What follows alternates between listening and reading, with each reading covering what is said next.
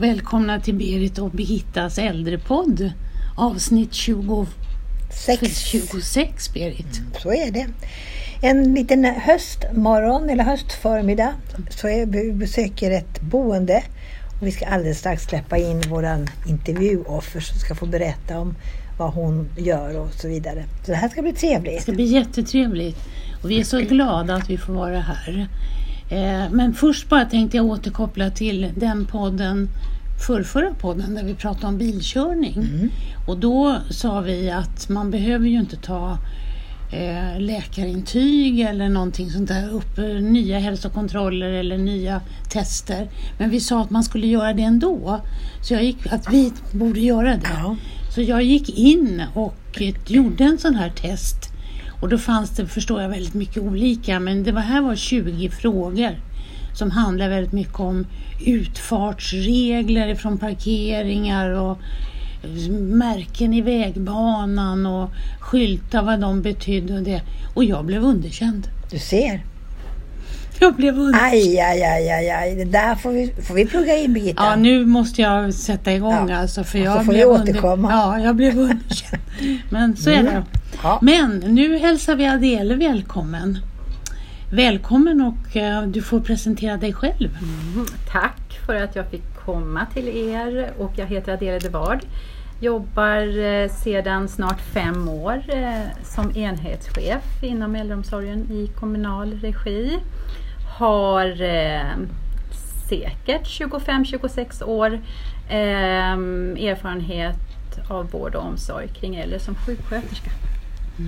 Det är en lång erfarenhet. Det är en lång erfarenhet Mm. men jag gör det jag absolut tycker allra mest om. Mm. Mm. Eh, Jessica som var vår förra gäst som pratade om, som jobbade i landstingsregi och pratade om ledarskap. Hon eh, hade är ju också sjuksköterska. Hon hade jobbat hela, också hela sitt yrkesverksamma Mm. liv inom vård och omsorg. Eh, och eh, hennes, vi pratade med henne om vad hennes hjärtefråga var som chef. Eh, och då sa Jessica att hennes hjärtefråga var bemanning. Mm. Vad säger du? Det var mycket, kloks, mycket klokskap som jag fick lyssna till. Självklart är en, en nödvändig eh, uppgift och en fråga bemanning. Mm. Jag har ju också kvalitet. Det här att vi gör rätt saker eh, och gör det nära och gör det eh, med högsta möjliga livskvalitet. Vi skapar det för den äldre. Det är min, tror jag, ännu mer större eh, uppgift. Eller inte uppgift, men, men som jag brinner väldigt mycket för. Mm. Mm. Eh, Men Jessica hade, hon såg den här bemanningen som hjärtefråga därför att hon sa att precis som vi inom kommunal regi, eller ni i kommunal regi, så hade landstinget samma problem med att bemanna. Och jag måste säga det, de senaste eh, fem åren så håller jag helt och fullt och fast med eh, att bemanningen har blivit mycket svårare. Mm. Jag kan också se att det är svårare att, eh, som ni också pratar om, det här att verkligen kunna förstå eh, kunskapen bakom en examen, hur det kan skilja sig åt. Mm. Och där ser jag, jag ser ju mycket olika saker som behöver göras, men där ser jag en sak, precis som ni pratade om det här med reglerad utbildning. Mm. Det ser jag faktiskt som ett nästan måste för framtiden. Att man verkligen har fått till sig kunskap, för just nu så ligger det ett brett spektrum för att man har gått en examen men man har bristande kunskaper som undersköterska när man kommer ut. Och så finns det fantastiska undersköterskeutbildningar där man är trygg och kan komma ut och sen lära sig på plats. Så du skulle kunna tänka dig också någon form av legitimering eller något, ja, så att man har ett, ett mått, att man vet att just här, den här examen, då har jag de här kunskaperna. Ja, Mm. sen om det är en legitimation men det också kanske kan styrka eh, och stat, ge ökad status Mm. till, till eh, den yrkesgruppen. Men i alla fall att den är det här grundläggande, att man får sätta ett, ett fokus på vad är det man behöver kunna i nära vårdarbete eh, när man går ut. Mm. Att det måste vara, det får inte vara några tveksamheter om jag har gått i skolan nere i Skåne eller i, Nej. i Boden. Eller i Stockholm. Utan det måste, jag måste kunna lita på att när jag ser ett examensbetyg framför mig att den människan klarar av sitt arbete. Mm, mm. Ja, för idag är ju inte undersköterskeutbildningen en skyddad yrkestitel. Men den blir den ju om man har en yrkesexamen. Och det här har ju Kommunal stridit för i många år. Att man faktiskt skulle få en yrkesexamen. Och man har ju pratat om många olika titlar som man skulle ge den här yrkesgruppen. Mm. Men man har inte kommit vidare där. Jag vet inte riktigt varför. Men någonstans är det en, en brist. Mm. Och det är ju som du säger, det är ju för att säkerställa kompetens bland annat. Eh, men vet du när du anställer un- nya undersköterskor nu, kan du läsa ut av de papper du får vad de har gått för kurser? Mm. Det kan jag på en del men absolut inte på alla. Nej. Där får jag eh, forska lite kring att vad innebär det här för det är inte så tydligt och det är det jag menar, det ska inte behöva vara det. Nej. Och oftast också där det är, jag ska inte säga misstankar men, men man undrar lite vad det här står för. Där är det också kanske inte den allra bästa kunskapen bakom. För det är inte tydligt. Nej. Eh, och det försvårar eh, en rekrytering och, och bemanning av kompetent personal. Det förstår jag. Mm. Tror du att det också skulle göra att man kunde behålla personal? För det är ju också ett problem att även om man lyckas rekrytera så är det ju också det att det är så många som sliter i de här personerna.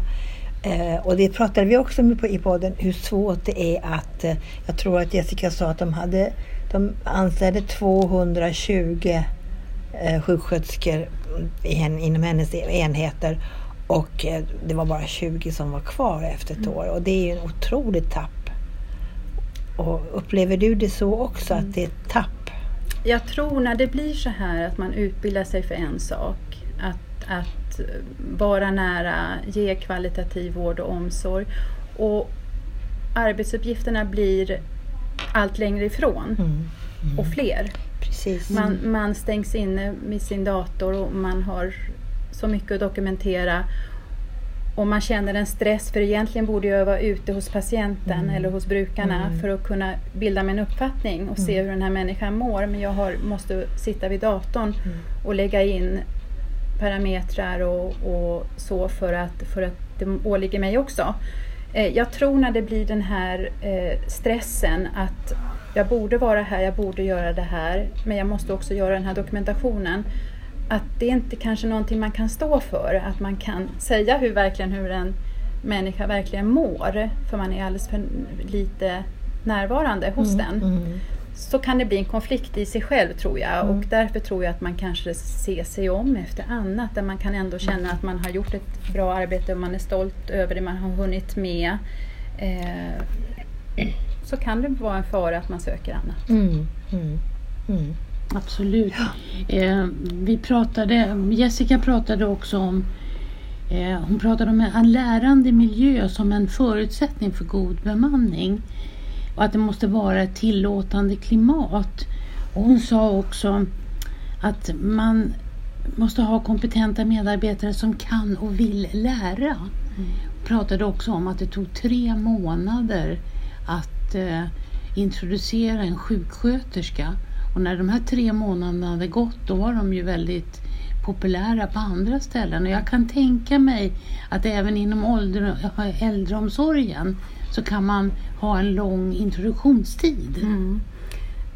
Det var ju en utav skillnaden i landstings eh, och kommunal regi, det är resurserna och möjligheterna. Mm. Eh, där ser jag en jättestor skillnad. Det är samma sak i kommunal eh, regi att man har eh, sina arbetsuppgifter och man har dokumentation. Och då måste det satsas på att arbetsplatserna är en lärande miljö och ges tid för de som är eh, i tjänst att kunna gå ifrån och lära någon som behöver eh, det för att, för att börja arbeta. Så det, det, där med resurserna är en, en stor skillnad och där tyckte jag att de hade jättefina resurser och har möjligheter att skola in eh, I i landstinget. landstinget. Eh, det har vi inte riktigt i, i, i kommunen idag. Nej. Nej, och det, Nej, det måste ju, Jessica pratar ju också att det måste ju finnas tillräckligt många för att kunna handleda. Och de här nyanställda sjuksköterskorna, de fick ju inte under tre månader gå själv. Nej. Utan de skulle ju gå under handledning. Och det är klart, det är ju väldiga resurser. Det är krävande. Men jag kan tänka mig att man även inom och äldreomsorg med demensinriktning att man måste ha en lång introduktion. Det räcker inte med den utbildning man har utan det är mötet som är det viktiga sen. Mm. Och det finns ju inte idag. Nej. Eh, en annan sak, du säger att det är svårt att bemanna och att du har märkt att det har försämrats under de senaste åren. Eh, hon, Jessica införde ju en del nya ord för mig men hon pratade om workshifting. Alltså hon pratade om att sjuksköterskor, när det är svårt att få tag på det så lät man undersköterskor ta över en del arbetsuppgifter. Och jag tänker, eh, jag hörde att en kommun i Dalarna där skulle man nu börja anställa vårdbiträden och barnskötare igen. Därför att det var svårt att få tag på undersköterskor och svårt att få tag på förskollärare. Så då blev det ju workshifting på den nivån också. Att man från vara undersköterska och gå ner till vårdbiträde. Och då har man ju inte utbildningen. Märker du något utav det? Eh, jag, jag förstår att man försöker lösa problemet men för mig blir det också en annan sak att beakta och det är patientsäkerhetsrisken. När, man, när egentligen en legitim, legitimerad eh, vårdpersonal ska utföra någonting som man har satt som grund en början och sen på grund av eh, minskade, ja att man inte kan få tag i kompetent personal går ner.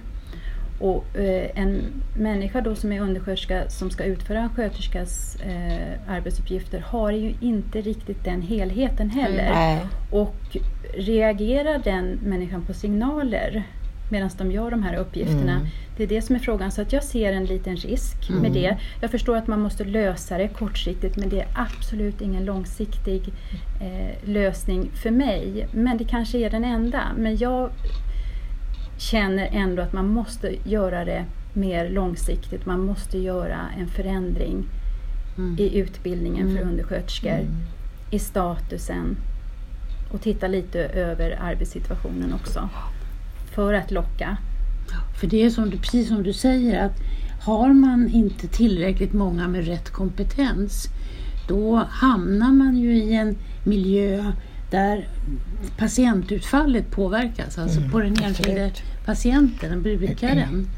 Eh, och det blir kvalitetsbrister och du sa ju att en av dina hjärtefrågor var ju kvalitet. Eh, och då att se det här. Jag hörde någon säga att de upplevde att trycksåren ökade igen eh, på våra geriatriska kliniker därför att man inte har tillräcklig kompetens för att förstå hur man förebygger trycksår. Det är ju någonting som vi har jobbat bort och så dyker det upp Den igen. kunskapen har ju, har ju ramlat bort och just på grund av det här att man har tappat kompetensen för man har slarvat, om ni ut, ursäkta uttrycket, med grundutbildningen för det här och att man har varvat och saxat vård och praktik och teori som var så viktigt förut. Mm, mm. Eh, Så att eh, det är lite oroväckande kan jag tycka. Jag håller hållit med, helt med dig om att man kan inte workskifta eh, i absurdum som, som tyvärr gör, man gör idag. Ja, eftersom vi kommer ju att sakna så oerhört mycket undersköterskor i framtiden som vi har sagt flera gånger i våra poddar så måste man ju ta in en annan kategori för att få det här att fungera.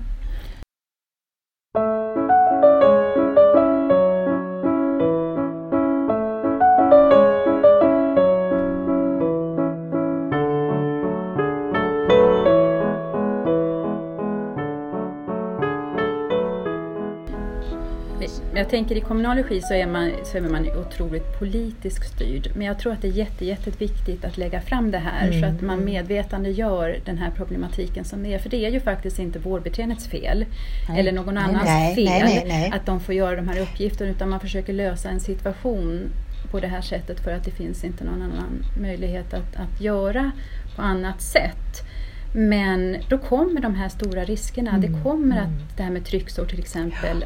Man måste förstå att det är också nutrition och man Mm. måste förstå att det är rörelse. Man, många olika saker man måste mm. förstå. Eh, och det kan man inte begära från någon som, som inte har den utbildningen. Nej. Och därför är det så tokigt att man, man workshiftar Mm. eh, neråt eh, på det sättet. Mm. Och det blir ju en kostnad för hela samhället. Eh, Man blir inneliggande patient på våra akutsjukhus oftare än vad, än vad som är nödvändigt om man har god omvårdnad. Och det gäller ju i alla led på något sätt. Mm, jag håller med. Mm. Och så, precis som du sa Adele så läste jag också en artikel där, där någon annan sa att man, nu måste politikerna förstå att det här är ett politiskt eh, jobb att göra. Det är inte, man kan inte låta den enskilde enhetschefen lösa bemanningen utan nu måste man förstå att det här är ett större problem och att man måste börja titta på politisk nivå. Vad kan vi göra för att göra det här yrket attraktivt igen? Mm. Det här är oerhört, oerhört, jag vet inte hur jag ska kunna säga det på annat sätt än, att det är oerhört viktigt. Mm. För annars blir kvaliteten på vården i Sverige inte bra. Och vi, lösa och vi tar in våra nyanlända så, ett- på våra utbildningar men de förstår inte vad de läser. De får den här kunskapen men så länge de inte får varva det med ett mentorskap ute i verkligheten så kommer de inte att kunna lära sig det här ändå. Och det, det tycker jag är så ska, För det litar ju politikerna på. De ser ju bara siffrorna på alla som kommer in i vårdutbildningarna. Och vi, vi som har träffat de här människorna vet ju att många av dem vill inte ens vara där. Utan de känner sig lite inknuffade. Och många passar ju inte in det. Men väldigt många gör ju det om de bara fick rätt mentor och inskolning. Mm. Och där, där ser jag ju också eh, en, som du säger, en del passar jättebra för det. Eh, och en del kommer kanske från kulturer där man inte ser det här Nej. som ett yrke. Eh, man ser, man kanske tar hand om sina anhöriga hemma men man ser inte att det här är någonting som, man försörjer sig inte Nej, på det här precis. sättet i deras egna hemländer och, och värderar kanske inte eh, den här, eh, det här arbetet så högt som vi gör. Mm. Nej. Um, Så där, där ser jag också, och där kan jag också känna när, när jag kan träffa eh, människor som har gått eh, en undersköterskeutbildning. Eh, och därför säger jag också att det behöver regleras, för det kan vara så att man har en examensbetyg Mm. och sen kommer man hit och söker arbete och jag kan kanske beskriva en, göra en fallbeskrivning. Och så säger jag så hur tänker du då när du hör mig berätta det? Vad, hur kommer du reag, reagera nu? Vilken information ger du till sköterska? Och vad tänker du själv när du går in till den här brukaren eller patienten? Eh, och det är brist, väldiga Mm, brister. mm. Och det är inte bara i kunskap utan det är också förmåga att förmedla. Mm. Eh, jag tänker språkmässigt, Mm. i skrift och i tal. Och det gör ju att bemanningen blir ännu svårare för jag Mm. kan ju inte, oavsett om politiskt beslut, eh, att man ska sätta nyanlända i arbete och de ska få utbildning. Mm. Och det är jättebra. Men jag kan ju inte riskera att man, man är här och sen ska eh, någonting händer och man har svårt att förmedla Mm. eh, till sköterska eller till ambulans eller till kollega. Och om någonting har hänt att man inte ens kan skriva som man ska. Nej, man ska ju nej. dokumentera. Eh, det går ju inte för mig Nej, att anställa för där, den nivån kan ju inte jag erbjuda en arbetsplats där man lär på plats. För den är så pass låg. Mm. Men ändå har man ett examensbetyg. Och den här problematiken har Mm, växt. mm. Mm. Jag vill säga de senaste tre åren. Mm. Och det gör ju också att du sätter press på den övriga personalen som kanske också är ett av momenten att de kanske hoppar av och söker sig något annat för de orkar inte ha, ta det ansvaret också. Och det, det är så tungt som det redan är. Eh, så att man vill ha en kollega där man känner tilltro Mm. till, Mm. man är trygg med och vet att det är inte jag, jag, jag har, det är fyra ögon som kommer se om det är någon som mår Mm. dåligt. Det är fyra ögon som ska hjälpa nu så att det blir bra livskvalitet. Men om man har eh, en människa man inte känner det till och, och bara har två ögon, då blir det svårt Mm. och då blir det för, för stressigt och man kanske tänker på att man kanske skulle göra någonting annat och det är ju jättesynd. Mm, mm. Och det här är ju, jag tyckte lite grann att du sa så här, precis som vi hörde Jessica säga, att som chef så måste man man måste se och man måste höra och ta till sig vad som händer på enheten och så föra det vidare. Eh, och jag tyckte du sa det också, det här med att vi måste tala om för politiken att det här går inte. Mm. Det, är med många beslut, men just också med, med bemanningen. Det är ju någonting jag lyfter när jag har möjlighet. Eh, när vi pratar om förbättringsarbeten och vi pratar om den mångfald som finns och, och, och självklart olikheter berikar, men också hur det kan försvåra. Och det måste man lyfta eh, så man är medveten om att alla förbättringsområden, förbättringsarbeten man, man gör tar tid. Mm. Får du förståelse för det i den här politiska organisationen, tycker du? Jag tycker det. Sen vet inte jag om, om man förändrar någonting. Men annars kan inte jag utföra det här uppdraget Nej. om inte jag får känna att jag, jag måste få säga min sanning och, och det jag upplever. För annars fungerar det inte för mig. Nej, nej, nej. Mm. Jessica pratade också om eh, medansvarig istället för medarbetare. Hur, när hon nämnde det, vad, vad tänkte du då? Mhm, Och det tyckte jag var väldigt klokt sagt. För, för vi har, tror jag, en tradition i vård eh, och omsorg att ehm, man kanske ibland ser till rättigheter och inte alltid skyldigheter. Mm. Och jag tycker det i, i samhället i övrigt att man ser gärna till det. Rättigheter men svårt att, att känna skyldighet. Mm.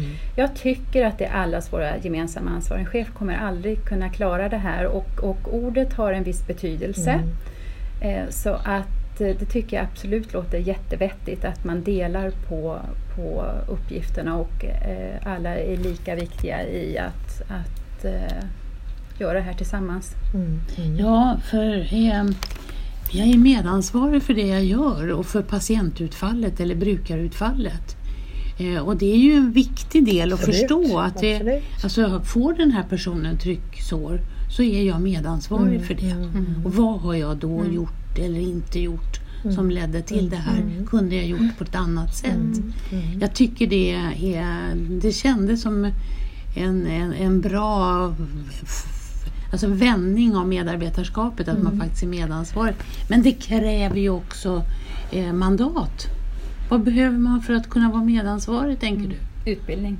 Mm. För det, det, var, det var det som slog mig först. Man kan absolut säga att man är medansvarig och då ska man ha en, en, en gedigen utbildning att falla tillbaka på för att inte uppleva den här stressen. För har jag inte det och ska vara medansvarig, då blir det extra tryck. Mm. För egentligen har jag inte kompetens, men jag ska vara ansvarig för det här. Mm. Det är inte hållbar arbetshälsa. Nej. Men har jag utbildning för det, Mm. då kan jag absolut vara medansvarig. Mm. Och då ska jag också få det mandatet. Och det är ju som i sjukvård har det ju alltid varit väldigt hierarki. Vi pratar om det att 50-talet och 60-talet, hur det såg ut. Och det får inte vara så, utan det måste vara så som du sa. Chefen kan inte göra allting. Utan, men, och då ska man också ha mandat nerifrån och upp. Mm. Och att man ser sig själv som ett, ett, ett lag. Mm. Och det, det, det gör man ju som chef om man mm, omger sig med, med kompetent personal. Mm. Alla gör sin del. Eh, har man inte det, då blir det genast lite, lite påslag och, Mm. och tänker hur ska vi lösa det här med den kompetensen vi har. Eh, det blir en svårare situation. Och du är trygg när du går härifrån att mina medarbetare kan det här. Jag behöver inte hålla mitt vakande öga. Då, då har man uppnått ett bra Mm. arbetslag. Mm.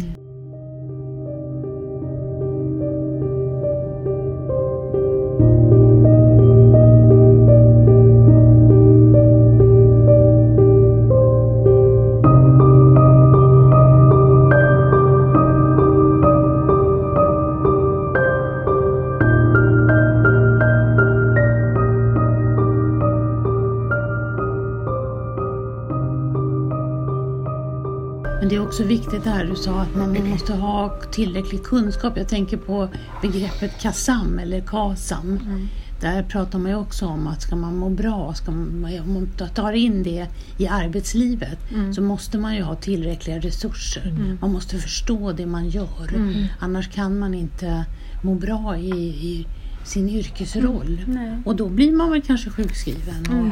blir inte tillräckligt entusiastisk. Nej. Mm. Och det är ju också en fara jag tänker med jobbskifting, det här att, att man får ett ansvar och egentligen har man inte kompetens för det men man är medansvarig. Eh, det blir en påfrestning tror jag på Absolut. den medarbetaren. Mm. Mm. Absolut. Ehm, ja, men eh, det var en sak till som jag tänkte på. Det var det här med arbetstider för återhämtning. Det har ju diskuterats nu en del om, jag tror att det var nere i ja, södra Sverige, så hade man ändrat på arbetstiderna för nattpersonal. Man eh, tog bort en timme natt för dem och så blev det, följden av det blev att de fick jobba fler nätter. Och anledningen till det här var att man skulle ge fler heltid. Eh, och då måste man ändra på schemana. Eh, Jessica pratade om att i hennes verksamhet, som var en intensivvårdsverksamhet, så behövde man tid för återhämtning. För man kunde inte lämna, i det fallet, patienten. Men jag tänker på en, en demensenhet så känns den för mig likvärdig med en intensivvård. För man kan ju inte lämna brukarna. Mm. Och, den, och då behöver man ju också tid för återhämtning. Hur tänker du om det? Jo, och det är någonting det här året som jag har satsat på. Det har varit en av mina förbättringsområden, det här med återhämtning. Ehm, Det är inte så enkelt att försöka förstå den enskilda medlemmen, att förstå att det faktiskt behövs. Mm. Men man får ta fram, man får ha föreläsningar, man får ta fram eh, vetenskap på det här med återhämtning.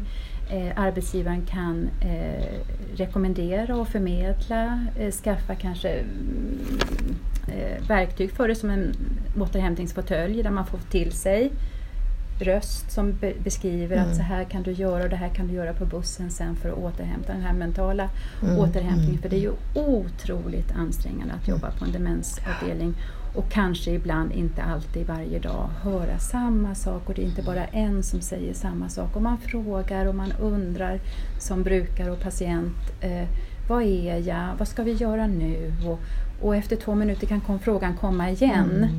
och behålla ändå den här vänliga eh, mimiken i ansiktet och säga så här, ja men vi Mm. svarar på det här igen, tänker man igen. Eh, och, och för att den äldre med, med demensdiagnos vet ju inte att man har Nej, frågat nej. det här två minuter innan. Så återhämtning är otroligt, otroligt viktigt. Men också har jag, det jag har försökt förmedla det här egna ansvaret. Att Mm. man förstår att ni jobbar otro, med ett arbete som kräver mycket av er. Mm. Mm. Försök tänka på det här också vad det gäller eh, mental återhämtning hemma, eh, familjelivet, eh, kost och motion. Mm. Mm. Eh, men det har vi jobbat mycket med, men det måste man prata om. Eh, så att både arbetsgivare och medarbetarna tillsammans verkar för, för den här Mm. återhämtningen. Mm. Har du mandat att eh, kunna lägga dina egna scheman som du vill?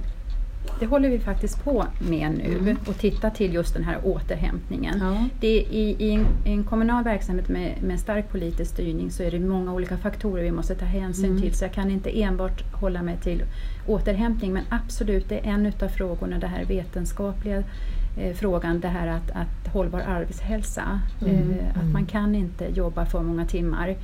Eh, och sen jobba så år efter år, eh, 20 år och sen kanske man går i pension och får hjärt-kärlsjukdomar och, och så vidare. Så att det har vi absolut i åtanke nu när vi eh, ska producera scheman som ska vara hållbara.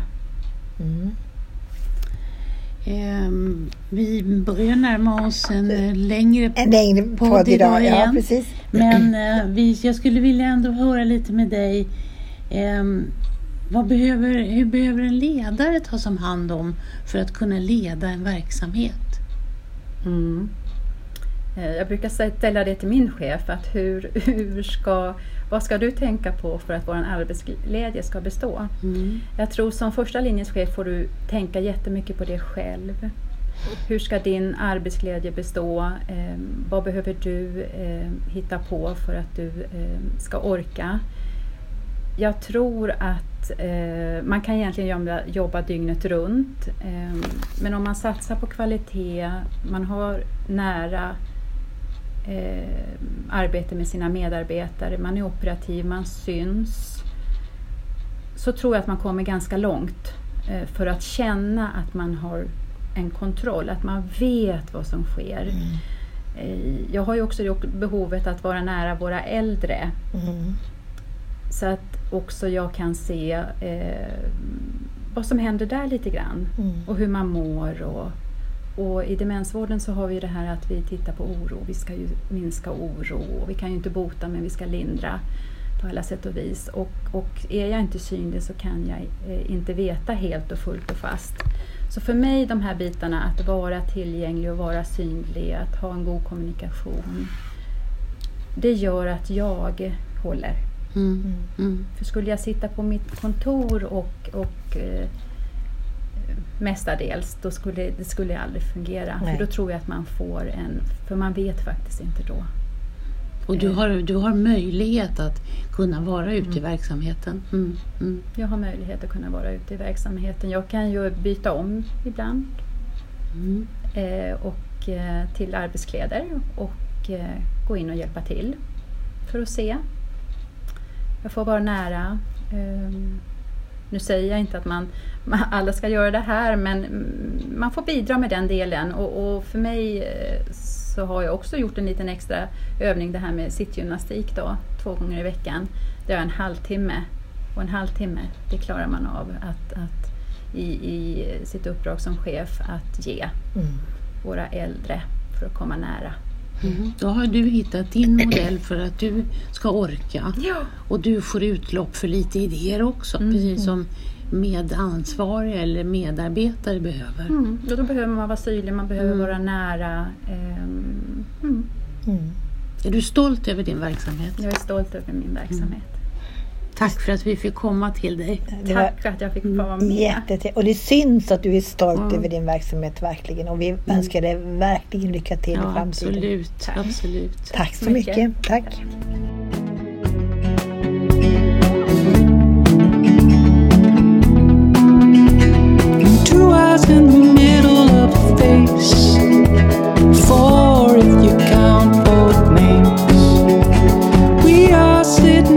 Sitting.